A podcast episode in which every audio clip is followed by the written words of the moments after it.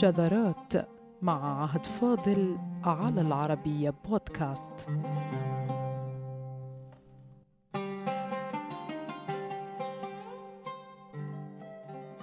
في الحلقة السابقة ذهبنا أعزائنا إلى أن الفصحى رتب كما نقل السيوطي في المزهر في علوم اللغة من كتاب عروس الأفراح للسبكي وأوضح فيها أن الفصاحة تثقل وتخف بحسب الانتقال من حرف إلى حرف.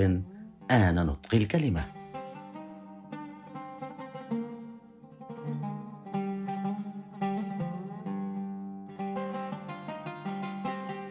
ونكمل اليوم في التنقيب ما بين العاميات العربيات حيث سبقت الإشارة إلى أن العاميات العربيات القديمات مهدت للفصحى.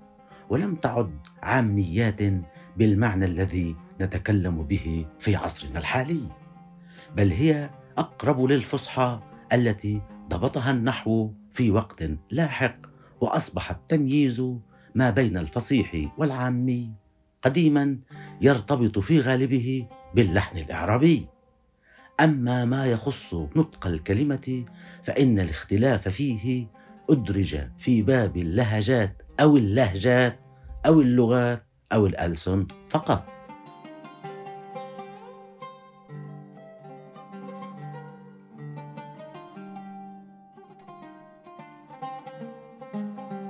وفيما سعى عدد كبير من أهل العربية قديما وحديثا لتصويب الاستعمال العامي للكلام والعمل على ما عرف حديثا بإعادة العامي إلى الفصيح تطورت بعض اللهجات العربيات باتجاه ضيق للغاية في لفظ حروف الكلمات فبات سماعها بوضوح امرا عسيرا وبالتالي صار فهمها متعذرا وهذا ما نراه الآن عندما تلجأ وسائل الإعلام العربية إلى الكتابة بالفصحى على شاشة التلفاز لإيضاح ما يقوله صاحب هذه اللهجة العربية أو تلك.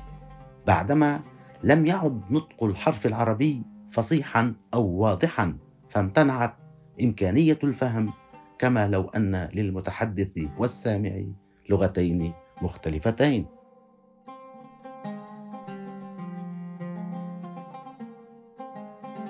لكن الصورة ليست بهذا السوء بل إن الوشائج التي تربط عربية الفصاحة بعربية العاميات لا تزال محافظة على مخزونها اللساني صرفا واشتقاقا ودلالات. إنما بشرطين لازمين. الأول في وضوح لفظ الحرف من مخرجه والثاني في المدة الزمنية التي يتطلبها نطق الحرف العربي. فإن زادت السرعة أكثر من المتعارف عليه أدغم فلم يفهم. وإن قلت غلب الصوت على الحرف فلا تفهم الكلمة.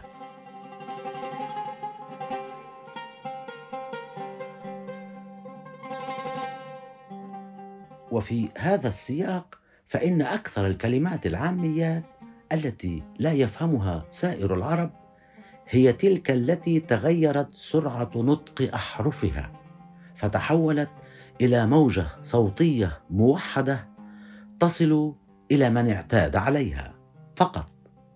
فكلمة اف مثلا والتي تقال في التضجر أو الاحتجاج تنطق في بعض اللهجات مشددة بعد حذف الألف فصارت أشبه بصفير خفيف يخرج من بين الشفتين.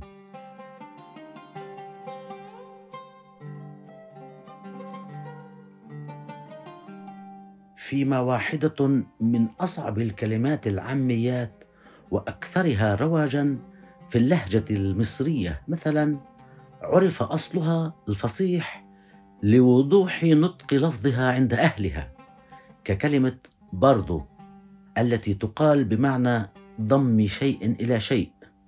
فأصلها في كلمة بأرضه وتحولت بأرضه إلى برضو بمعنى أنه لم يزل على حالته أي في أرضه التي كان عليها كما يوضح اللغوي والمحقق الكبير أحمد تيمور في معجمه. وفي قول برضه تكون بأرضه تعني أنه لا زال بأرضه أي كما هو.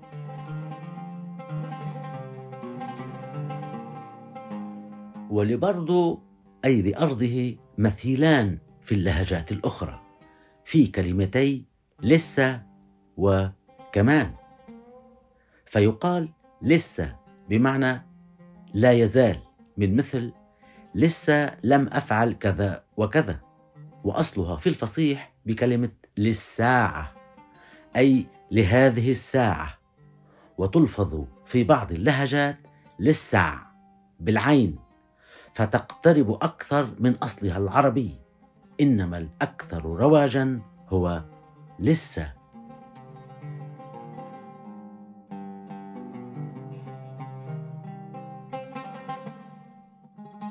وكلمة كمان التي يشكك بعض لغويي العصر الحديث بأصلها العربي وتأتي بمعنى أيضا وهي عامية سائدة في غالبية اللهجات العربيات. يرجح لغويون بأن أصلها في كما أن أي بالإضافة فترك الهمز كله وصارت كمان فيقال أريد كمان أي زيادة أي أيضا بعدما كانت كما أن. سنلاحظ أيها السادة أن غالبية العاميات إذا استجابت لشرط مخرج الأحرف ولشرط التقيد بما تم التعارف عليه من سرعة في النطق. سيكشف أصلها الفصيح. بعد عمليات تطور لغوي من إدغام أو حذف أو اختصار أو نحت وأن كل منطوق عربي إذا أهمل فيه مخرج الحرف وتغيرت سرعة نطقه فلن يكون مفهوما. وبهذا سيضطر العربي إلى ترجمة معناه إلى الفصحى كما لو أن المنقول عنه أجنبي.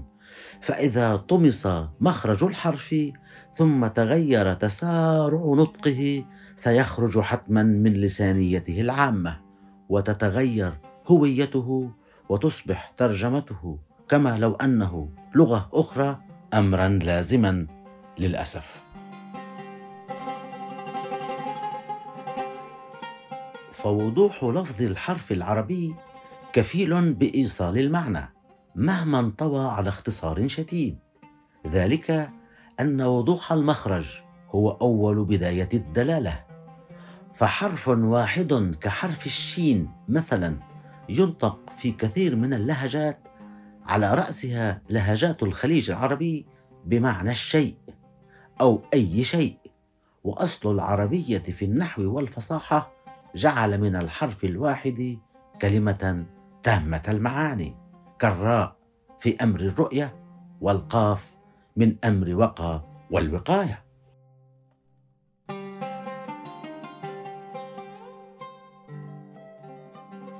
ويقال مثلا شلونك وهي مزيج من أي شيء ولونك أي ما هو لونك حيث تنوب الشين وحدها عن الشيء. وهي سؤال لمعرفة حال المخاطب والاطمئنان عليه لأن اللون مرتبط بالحال عند العرب وبالوضع القائم. فيقال شلونك؟ أي أي شيء لونك؟ بمعنى كيف حالك الآن؟ واختلف كثيرا بمعنى كلمة كثيرة الشيوع في السنوات الأخيرة وهي كلمة بلطجي وبسبب وجود الجيم فيها اعتقد بأصلها التركي. ذلك أن الجيم التركيه تأتي في العربية لمنح معنى النسبة كبلورجي العامية من صانع البلور وسفرجي من معد مائدة الطعام. إلا أن كلمة بلطجي المذكورة أخذت النسبة من الجيم التركيه فقط دون أن يمس أصلها العربي الفصيح. بحسب أمهات العربية التي انتبهت إلى الكلمة منذ قرون. ففيما البلط هو الحديدة التي يقطع بها الشجر أو يحفر بها الأرض وترد بالعامية مؤنثة فيقال بلطة فإن البلط الذي منه البلاط هو وجه الأرض وما صلب منها وبلط الأرض أو الدار فرشها به أو بآجر فهي مبلوطة ومبلطة كما قال الشاعر مبلط بالرخام أسفله له محاريب بينها العمد. ولأن البلاط والبلط تعني وجه الأرض فإن من معانيها الظهر. وآخر ما يمكن أن يوصل إليه. فصار المفلس مثلا بلطة. فصار اسما من أبلط الرجل إذا ذهب ماله. وبهذا المعنى ورد في الشعر العربي القديم قالت أراه مبلطا لا شيء له.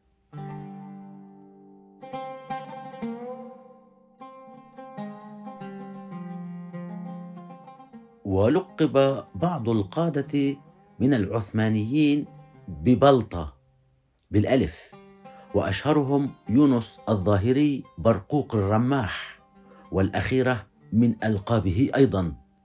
واشتهر بسفك الدماء حتى إنه قتل قاضي قضاة وخطيب مسجد بغير جرم كما ينقل الإخباريون. فهل البلطجية والبلطجي جاءت ممن لقب ببلطة نظرا لكونه سفك دماء الناس فصار البلطجي كل قاطع طريق أو مجرم.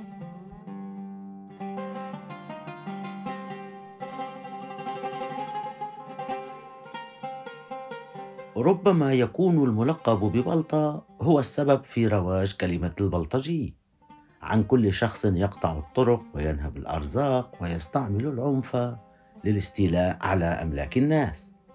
إلا أن التعريفات الأولى للبلطجي فالبلطجي والبلطجية كانت فرقة عسكرية عثمانية أو مملوكية تقوم بأعمال الهدم.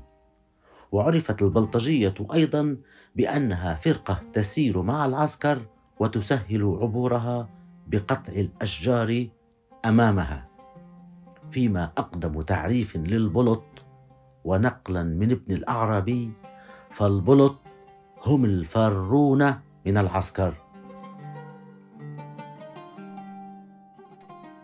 ويسمع في بعض العاميات كلمة فلان جرسني بالصاد أو أنت جرستني وكله بالصاد أو جرسة فلان جرسة. وهي بمعنى التشهير والطعن بالغير سماعا. وأصلها أيها السادة في التجريس بالسين من الجرس صوت الحرف أو النغم. والتجريس بحسب أمهات العربية هو التنديد بالناس والتشهير بالقوم والاسم منه الجرسة.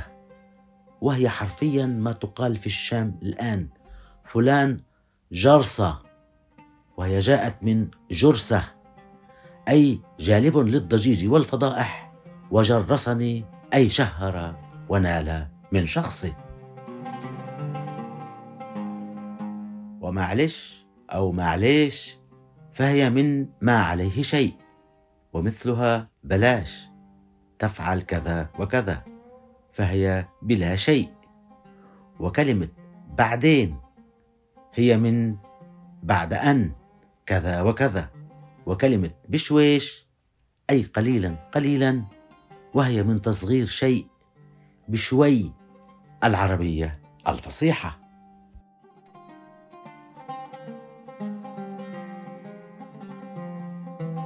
فكل حرف عربي خرج من مخرجه في الفم وحافظ على تسارع نطقه المعهود.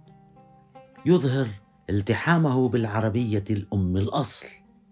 ويختفي هذا الالتحام كلما غاب مخرج الحرف وزيدت سرعة نطقه.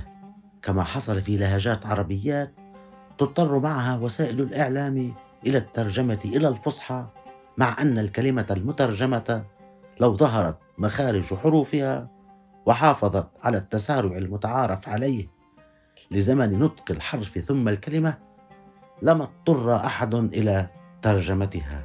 لكن أسقط في يد الجميع وصارت الكلمة عربية الأصل تحتاج إلى ترجمة إلى اللغة العربية الفصحى.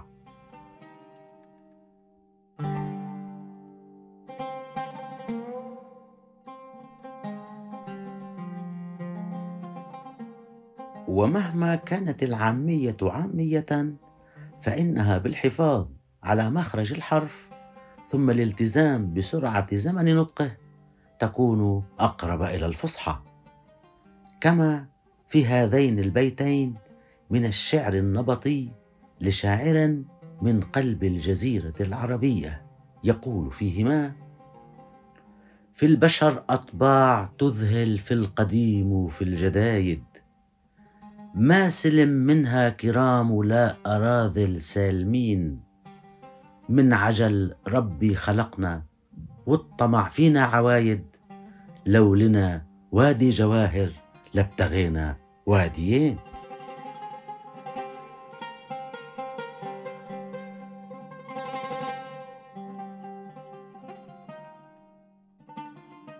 وهذان البيتان النبطيان صورة من صور تطابق الفصحى والعامية في الكلام العربي. وعلى ذلك سارت اللغة قرونا إذ لو كانت العامية نقيضا للفصحى لما فهم المكتوب أو المسموع بل كانا شبه متطابقين في القرون السابقة. وهذا ما جعل المصرية والشامية والخليجية والمغاربي والعراقي يتكلمون معا مثلا في رحلات الحج وبعامياتهم أيها السادة لا بالفصحى. فكيف الآن تأتي عامية عربية تحتاج إلى ترجمة إلى اللغة العربية؟ فهل أصبح ذلك اللسان كما قال الشاعر غريب اللسان؟ والسلام عليكم.